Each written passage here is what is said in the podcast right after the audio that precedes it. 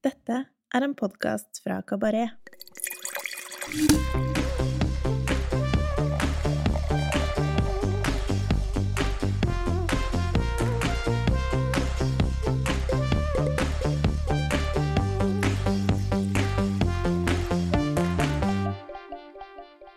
Hei sann, velkommen til Ukas vin, en podkast fra Kabaret der vi hver uke tester en vin som vi enten digger eller har trua på. Jeg heter Tommy Andresen, og i denne episoden har jeg nok en gang med meg Simon Zimmermann, vinansvarlig og restaurantsjef for Happolati i Oslo. Hei, Simon. Hei, hei. Velkommen tilbake. Takk for det. Du, nå skal vi til din eh, hjemmebane, Østerrike. Yes. Vi må jo selvsagt prate litt om dette fantastiske vinlandet som også er uh, ditt hjemland. Vi, eller ikke hjemland, men uh, genetiske hjemland. Vi kunne sikkert uh, pratet i flere timer om temaet, men vi korter det litt ned og fokuserer på hvitevinen, tenker jeg. Hva er ditt forhold til de ulike lokale druene og regionene i landet, Simon? Altså, Østerrike er jo et veldig spredt vinland. Det er ikke veldig stort, egentlig. Altså, det finnes mer eh, bredde enn det man tror. Vi har jo hovedsak tre deler, altså Niederstreich, Burgenland og Steiermark, hvor alle tre egentlig representerer eh, sine egne viner. Og det er jo det som er veldig spennende med Vinlandet, er at det ikke fins veldig mye vann, storskala produsenter. Så selvfølgelig de finnes, men Vinlandet er bygd opp av små familieeide produsenter. Eh, som også gjør det veldig spennende, for da har veldig mange har sin egne filosofi, egne måter å gjøre på, og ikke minst også egne druetyper som de er spesialiserte på. Og selvfølgelig stiler, områder osv. Mm. Kan ikke du ta oss eh, kjapt gjennom de tre regionene og Eh, la oss si hvilke hvite druetyper du jobber med. Altså Hovedsak så har du jo Niederösterreich, som ligger i den, eh, den, nordlige delen. Der er jo Gryne feltliner eh, konge, og ikke minst også Riesling. Men du kan også finne litt utvalg av bl.a. Eh, Chardonnay. Vi har også da litt Weissburgunder, altså Pinot Blad. Grauburgunder finnes det en liten del av. Og litt røde druetyper også. Eh, Niederösterreich har jo også da en god konsentrasjon av veldig mange vindregioner. Kanskje de tre mest kjente er jo Wachau, Kampdal og Kremsdal. Hvor du også da kan finne mer Riesling og Grüne Feltliner. Du har jo også Weinviertel, som også er en region som, som er veldig stor. Uh, hvor Grüne Feltliner er egentlig den mest beplantede druen. Regionen har også veldig stor bredde. Men så kan du også finne da andre små regioner som Treisenthal, Vagram og ikke minst også byen Wien, som, hvor det mm. også er eh, kanskje det området hvor du kan finne mest konsentrasjon av druetyper på et veldig lite område. Altså, det er over 50 druetyper som er beplantet uh, uh, i Wien. Mm, ja. uh, og det er også litt av at de lager gemischtesat som en spesialitet. Ja, Veldig spennende. Mens vi er inne på det, hvilke, hvilke favorittprodusenter har du i Niederösterreich? I Niederösterreich, altså Det er jo veldig spredt fra, fra region til region, selvfølgelig. Jeg er personlig veldig glad i Wachau. Uh, der hvor du finner en liten produsent som heter Weide Malberg, som jeg er veldig, veldig glad i. Men det finnes også da veldig flotte produsenter som Martin Mutenthaler, Prager, Weingut eh, Frans Hitzberger, men også da broren, altså da Mathias Hitzberger. Du har jo også da en Nikolajov, ikke minst, som er veldig veldig old school, som lager mm. veldig flotte viner. Så det fins en god konsentrasjon av veldig mange flotte produsenter eh, i Wachau. Men så har du også da Kampdal, Kremsdal, hvor du også kan finne Loimer, Brundelmeier, Stift Gottweig osv. Så, videre. så det, det fins et hav av flotte produsenter i disse områdene, eller disse regionene, som, som jeg syns er flotte. Mm. Det er jo definitivt de, kaller det litt sånn den viktigste regionen med tanke på det norske markedet. I hvert fall fra tidligere av, eh, men, men også i dag. Eh, det er jo vinene fra fra, fra, disse tre som er kjent for nordmenn flest, med Grünerveltliner og, og, Riesling? Absolutt. De har jo vært på markedet veldig lenge, mm. så, og som er veldig positivt. Eh, og da, da, kjenner man jo fort til disse vinene mm. når de har hatt sin renommé i, i markedet. Mm. Men som du sier, små, små, håndverksprodusenter som lager topp kvalitet, hvor du betaler for vinen og ikke for et dyrt markedsapparat og dresser. Absolutt. Um, Burgenland er jo den neste regionen. Det, først og fremst kanskje mest kjent for sine rødviner. men det lages også litt hvitvin der. Det gjør det. Burgenland er jo også den regionen som, som kanskje har på en måte ikke hatt noe på en måte, tvang til å lage noe som markedet ønsker. Litt pga. at det ligger i grense med Ungarn. Burgenland er jo nesten bokstavelig talt Ungarn. Hvor du også kan finne selvfølgelig Blaufrenkerst, Zweigel, St. Laurent. Uh, druetyper som du også da kan finne i Ungarn, blant annet. Mm. Uh, du kan også finne litt furmint, blant annet, som også er veldig vanlig i Ungarn. Men også da en god konsentrasjon av, av Weissburgunder og ikke, ikke minst også Welsch-Riesling, som også du kan finne en mm. del i Ungarn. Vinmarksstrukturen er jo lokalisert rundt Altså fra Nordburgenland, altså rundt Neusiedelsee, til egentlig Sudburgenland, eller Eisenberg, da i sør hvor det er en vanvittig stor forskjell fra nord til sør. Burgenland er også kjent for å ha kanskje den høyeste konsentrasjonen av naturlige produsenter. altså Goto Ogga og Christian Schida osv. Mm. Eh, holder til absolutt her, og ikke minst også Klaus Preisinger, hvor du også da på en måte ikke finner den tvangen til å lage de klassiske tingene. Uh, så det på en måte fins mer spillerom for, for, utvikling, og ikke minst også eksperimentelle viner. Mm. blant annet. Uh, men du kan også finne en del klassiske produsenter, som annet uh, Ove Schiefer, Frans Wenninger, men han har også da begynt å flytte seg litt over til den naturlige delen, men han lager også selvfølgelig både gode klassiske og naturlige viner. Mm. Um, så, så det, er, det er ganske god utvikling i denne regionen. Altså, det er også da vel verdt å nevne eh, Roland Velic med, med, sin vinner i Moritz, blant annet. Mm. Er jo kanskje en av de absolutt beste røde eh, i Østerrike, og klassisk, selvfølgelig. Eh, men selvfølgelig også low intervention, altså lavere mengde sulfitt, men, men, uten at det på en måte blir on the wild side, da, hvis man kan si det sånn. Mm. Ja, for det slår meg som både, både Moritz og Weninger og over Schiefer, som du nevner. Alle produsenter som holder til sør i Burgenland, stemmer ikke det? Ja, Schiefer i Eisenberg og de ja. to andre i Mittelburgenland. Ja. Så, så, litt nord der igjen. Så grense mot Sjåperon i Ungarn. Så du, man kan si at det er vel kanskje den, sammen med Eisenberg de, mest ungarsk-influenste eh, delen av Bogenland. Mm. Um, litt på grunn av at du har en sånn liten topp som skiller på en måte mellom den nordlige delen og Mittelburgenland og, og Eisenberg i sør, som gjør det litt annerledes. Her snakker vi mest om Blaufrenkers. Definitivt. Mest mm. om Blaufränkers. Og uh, til slutt så har vi da altså Steiermark. Steiermark, kanskje en av mine favorittregioner. Steinmark er et lite kapittel for seg selv. Litt pga. at Steinmark egentlig ikke har vært en region som har hatt så lang renommé som f.eks. regionene i nord, altså Wachau, som har druedyrking tilbake til 1300-tallet osv. Steinmark har på en måte vært et landbruksområde. Altså Regionen er kjent egentlig for mer for frukt og gresskar og pepperrot enn det det kanskje har vært for druer i, tilbake i tiden. Men selvfølgelig har jo også da utviklingen her kommet veldig lang vei og blitt veldig positiv. Her er det jo egentlig ikke noe direkte østerrikske druetyper som, som, troner, mens mest internasjonale. Og det er også litt på grunn av at selve området har en veldig klimatiske forskjeller fra du kan finne i nord. Altså Nødvendigvis gode årganger eller dårlige årganger i nord er ikke nødvendigvis dårlige eller bra årganger i Steinmark. Eh, det er jo fordi at selve landskapet eh, og nedbørsmengden og strukturen av selve regionen er veldig annerledes, veldig unik fra de andre vinregionene i Østerrike. Mm. Kommer du til Steinmark, så er det ikke sånn at det første du ser, er en vinmark. Da må du virkelig leite litt. Eh, for det er, det er ikke mye beplantet vinmark i, i Steinmark. Altså, det er jo mellom 8000 til 12 000 hektar, som ikke er så veldig mye. Og til og med mindre noen deler. Som, som, gjør at dette området i seg selv er veldig, veldig spennende, for det finnes mye familieprodusenter. Eh, det er ikke veldig lett å finne en svær, gigantisk storskalaprodusent. Litt på grunn av at selve området som jeg nevnte, er et landbruksområde. Eh, hvor det var kanskje mer vanlig å dyrke druer for bordvinskonsum enn det, enn det man gjorde for eksport. Og, og, og, ikke minst også da eh, salg utenlands. Da. Mm. Så, det, så, det, er jo veldig, en region som har utviklet seg po veldig positivt de siste 25-30 årene. Um, og Steinmark fikk jo faktisk et internasjonale gjennombrudd i fjor.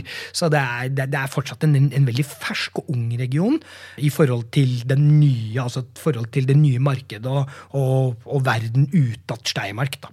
Selvfølgelig, Veldig mange viner drikkes lokalt, uh, men de beste finner jo selvfølgelig veien ut av regionen også. Mm. Det virker som at det er eh, subregionen Styria som er den, hva skal vi si, der hvor det er best representert Definitivt. på markedet i dag. Ja. Eh, du nevnte internasjonale sorter. Da snakker vi altså både chardonnay eller morillon. hvordan uttaler du det? Ja, morillon. Morillon. morillon. ja, morillon. Eh, altså chardonnay. Chardonnay, chardonnay, ja.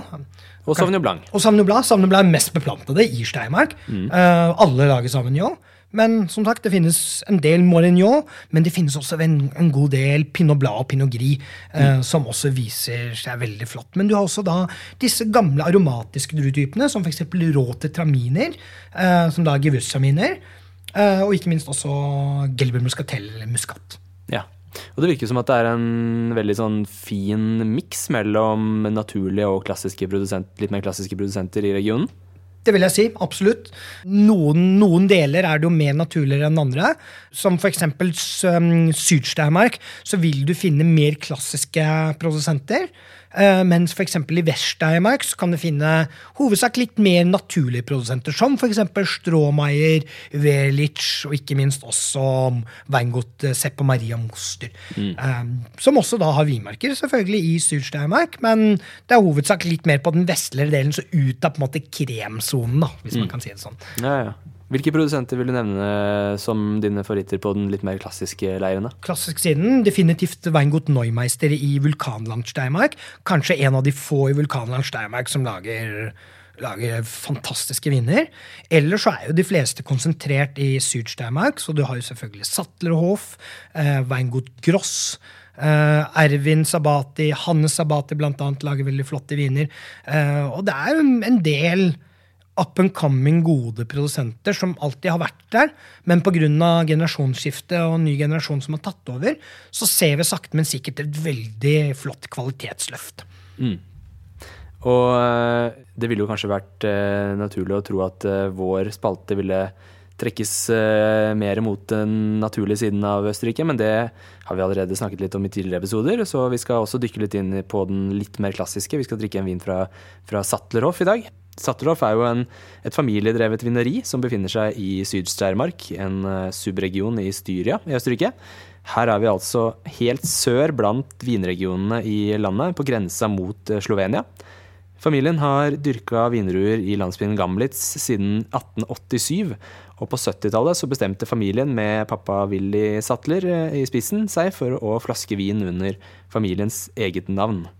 I dag så dyrkes det totalt 40 eh, hektar på økologisk eh, vis, og vinmarkene er planta med både Sauvignon Blanc, Weissburgunder og Morian, eh, som er det lokale navnet på Chardonnay, altså. Det er helt klart Sauvignon Blanc som er familiens kronjuvel. Sattlerhoff jobber med to av de beste enkeltvinmarkene i regionen, Kranachberg og Farweingarten. Begge regnes som blant de beste stedene man kan dyrke Sauvignon Blanc utenfor Loire.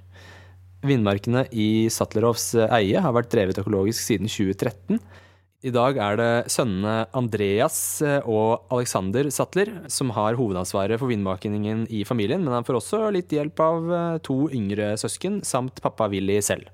I kjelleren så jobbes det hovedsakelig med ståltanker, men også noe fat på deres toppviner fra enkeltvinmarker. Produsenten deler opp vinene sine i tre kategorier Vinene merket med Sydsteiermark er deres eh, regionale innstegsviner. Vinene merket med Gamlitz er deres eh, kall det village-viner. Et, eh, et, steg opp i kvalitet. Til slutt finner vi deres toppviner merket med STK fra enkeltvinmarker. Disse er ordentlig konsentrerte og intense viner som i tillegg har flott lagringspotensial.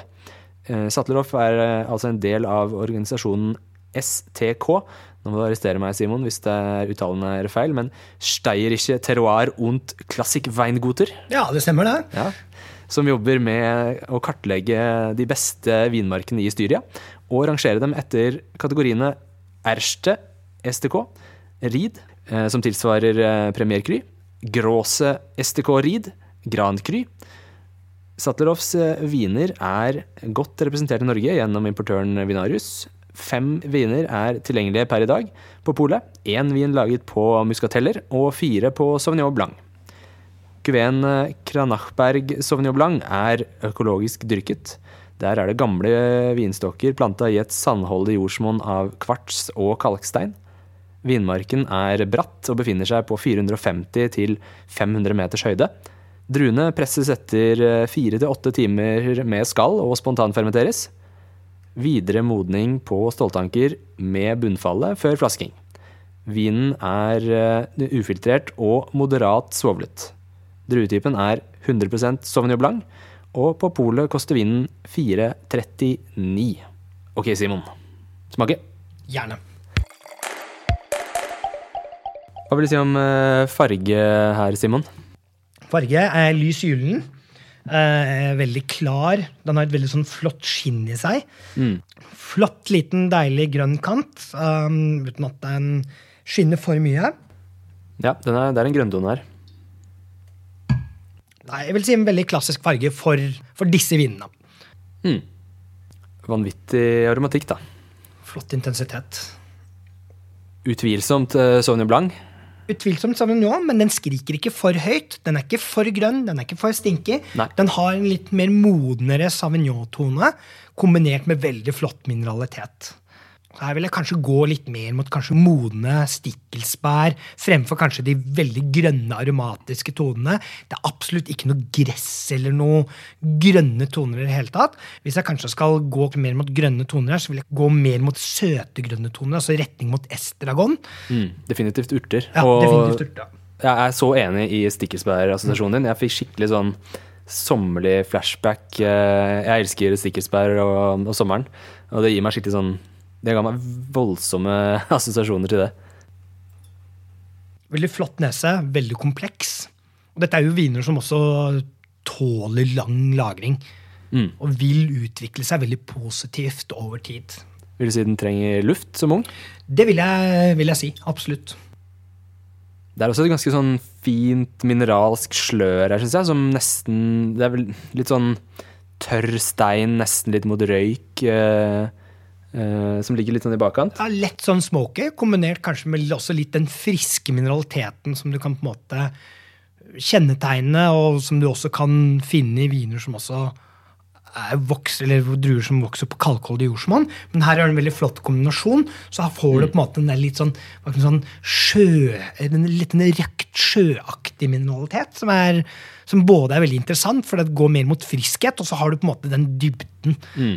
Ja, det er en veldig nyansert og spennende nese som, som, er, eh, som er druetypisk, men som allikevel skiller seg ganske tydelig fra, fra mm, versjonen i Loire. Eh, og i hvert fall eh, de i f.eks. Australia og New Zealand. Absolutt. Den er langt fra like Altså, hvis man er Det er mange som ikke liker Sauvignon Blanc. Og det kan jeg skjønne. Jeg er ikke, det er ikke den druetypen jeg på en måte drikker aller mest av selv. I hvert fall ikke de aller mest aromatiske versjonene. Men jeg syns kanskje at versjonene fra Østerrike samt litt eldre ting fra Loire er blant det mest uh, interessante. Personlig preferanse. Men uh, du ser både sånn ting fra Stråmeier og det litt mer naturlige er veldig kult, syns jeg. Av Sauvignon Blanc. Men også dette her som er klassisk, men relativt naturlig laget. Det er liksom ikke stort og klumpete og fatpreget og ubalansert. Det er veldig sånn fresht, lett. Det er topptoner, det er, liksom, det er nyanser. Det er, det er veldig elegant allikevel. Vinene er veldig pure. Ja. Og det er også litt på grunn av at eh, de lager alle Sauvignon sin, bortsett fra et par andre kuveer som vi kan snakke om etterpå. Um, alt av Sauvignon går på ståltank. Ja. Eh, Det er ikke noe som, som blir fatmodnet. Det eneste som blir fatmodnet, er en kuvé som heter um, Privat. Uh, som er bokstavelig talt en, en umulig kuvé å få tak i. Ja. Eh, litt på grunn av at det er en seleksjon av, av de eldste og absolutt beste savignonene de har, som også da får fatmodning. Eh, selvfølgelig moderat fatmodning. som er, Vinen er veldig flott. Jeg har smakt den et par ganger.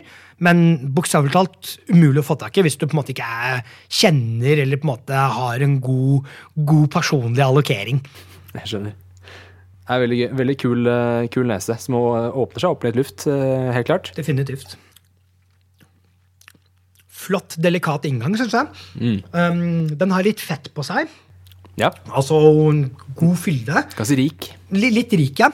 Den, årgangen er 2017. Topp årgangen Steinmark. Altså, kanskje ikke for resten av Østerrike, men Steinmark så er den kanskje en av de bedre årgangene. Um, vinene som har blitt produsert her, har som ofte veldig flott syre, god konsentrasjon, bra kompleksitet, men også da en, sånn, en viss purhet i forhold til eleganse.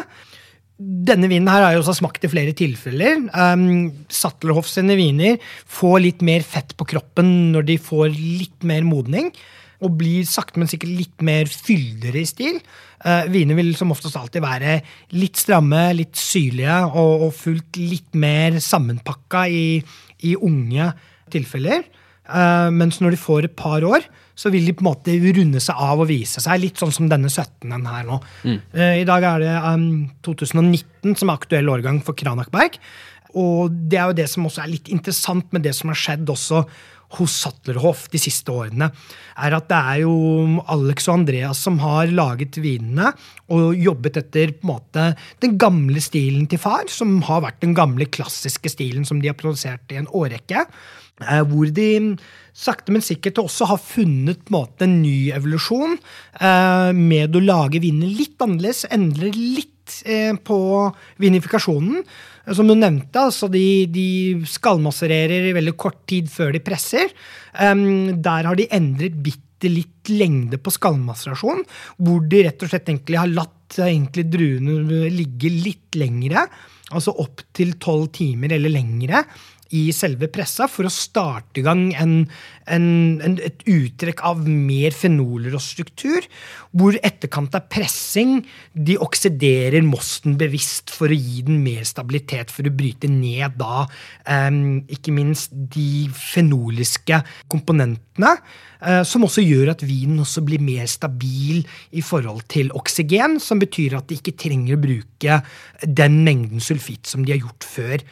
Uh, og som også da gir liv til litt mer elegantere, litt mer sharp og litt mer hva kan man si, lightning strike viner. Og det er en, en forskjell som jeg smakte veldig godt når jeg besøkte for et halv, en og en halv måned siden. Uh, hvor vi smakte en, en range med Sattler, altså Kranachberg 14, 17, 18 uh, og 19.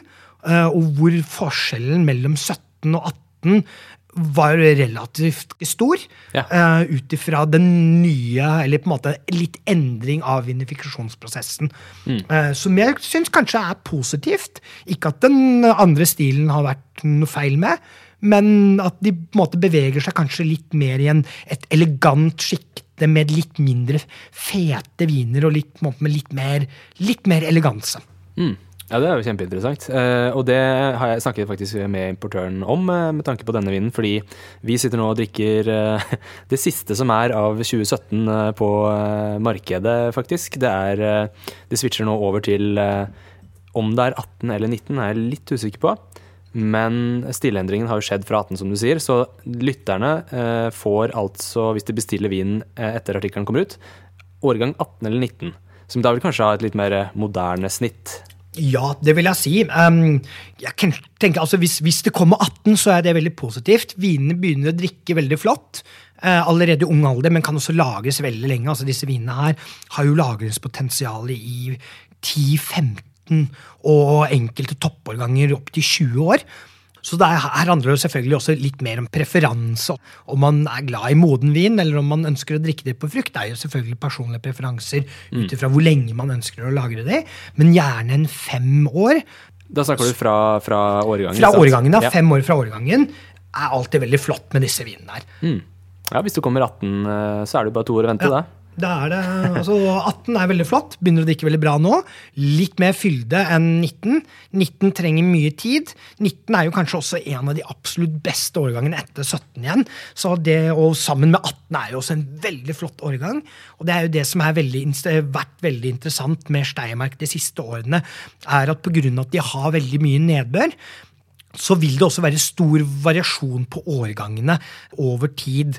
Men de siste årene så har vi sett at det blir automatisk litt varmere, hvor årgangene er mer stabile, som gir da liv til toppårganger etter toppårganger etter toppårganger.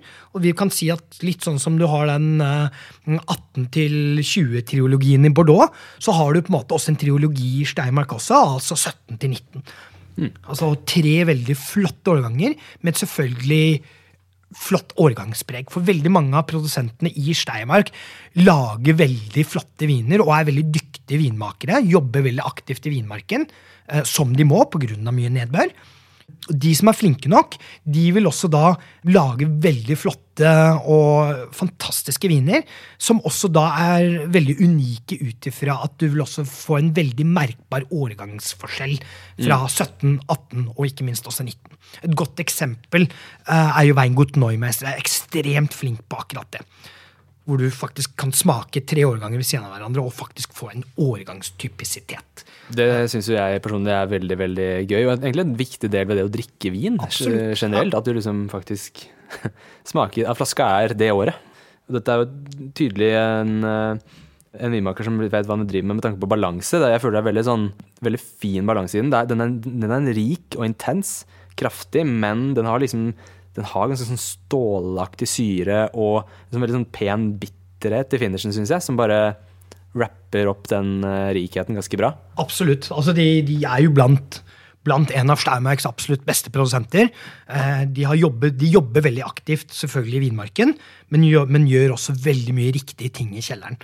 Som, som sagt, også, Du vil jo også få en viss rikhet her, som, som, kanskje noen ganger kan oppleves som at det er på en måte litt fat eller andre ting. Som jeg nevnte, Disse vinene her ligger på ståltank, men de ligger på bunnfallet i ståltanken før til de blir tappet.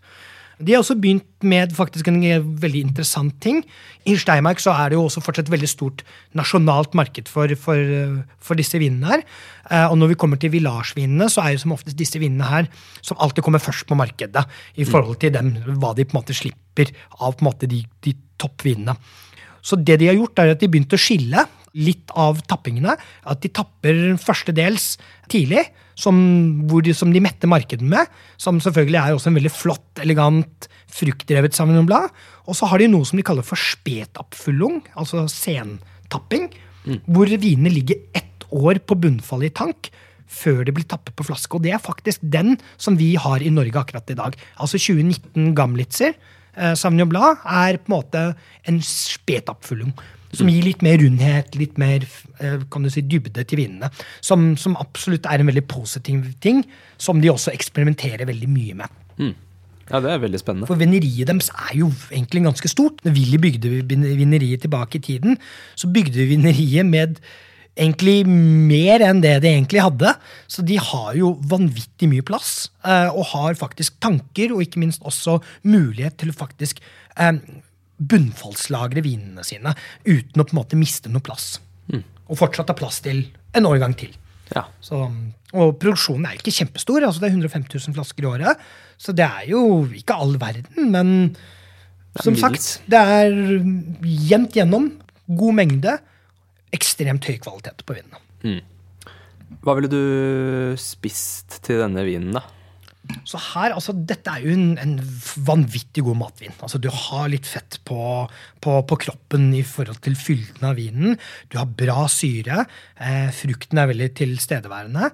Så denne vinen her takler jo lett for eksempel, hvis vi, skal, hvis vi skal gå inn i sesongen, da, eh, for eksempel altså, litt um, pannestekt kveite eller piggvar, for eksempel, med for eksempel en maispuré eller en hollandes takler den vinen her veldig lett. Mm. Eller så har du spesialitet i Steinmark, som er backhendel, som er hovedsak egentlig fritert kylling. Altså Ikke sånn som Kentucky Fried Chicken, men en, en, litt, annen, en litt, annen, stil. Steinmark, altså Nesten en steirer, altså nesten litt sånn snitselaktig. Og kylling, for eksempel, passer veldig flott til disse vinene her også, pga. at de har den strukturen. Mm. Så, så det her er det rett og slett egentlig litt sånn kraftige retter, altså, med, litt, mer, med litt mer dybde. Man kan også da bruke disse vinene her til geitoster, f.eks. Altså ja. øh, ferske geitoster. Altså, litt sånn som Lille Aske, eller, eller, eller mot den duren der, da. Mm. Uh, som, som, kan fungere veldig bra. Ja. Ellers kan du bare drikke det sånn, for de er jævlig gode fra før av. Så det er, ja, ja. det, er jo, det, er, det er jo et veldig stort spenn du kan bruke disse vinene her til. Uh, Men hovedsak vil jeg si sjømat i retning mot kanskje grillet sjøkreps eller, eller fisk. Mm. Kanskje noe tilbør som går litt mot det grønne også kunne vært interessant. Definitivt. Absolutt. Det er jo definitivt litt urtetoner på, på vinen. Det syns jeg. det syns jeg. Kanskje noe grillet sjøkreps med estragonsmør, f.eks. Det høres veldig riktig ut.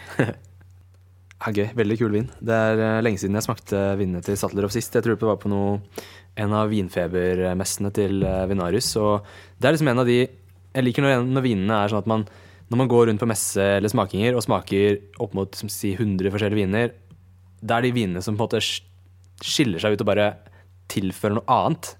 Eh, dette var en av de vinene som jeg smakte som bare wow. Ja, dette, her var det litt mer Her var det mye personlighet og mye liksom Det skilte seg skikkelig ut. Og det, det syns jeg er veldig positivt uh, tegn hos en vin. Absolutt. Det er, jo, det, det er jo veldig personlige viner. Mm. Um, selvfølgelig, det, Mange lager jo vinene sine litt på samme måte som Sattlerhoff, men de har en, på en måte en veldig sånn unik identitet som gjør veldig, som, som, som du nevnte, vinene blir veldig personlige. da. Altså, De har eh, noe eget, med andre ord. Gøy. En eh, veldig kul vin, og eh, takk for masse, masse lærerik info om Østerrike. Bare hyggelig. Følg med oss i eh, neste episode. Da tester vi en eh, rød fjellfriskus fra Lombardia. Simon blir med oss videre igjen. Ha det! Hei, hei. Husk at du finner info om vinen vi smaker på i episodeinfoen. Der finner du også en liste med produsentene vi nevner i episodene. Har du ris eller ros, må du gjerne sende en mail til vin at kabaret.no. Husk å abonnere på podkasten, og gi oss gjerne noen stjerner.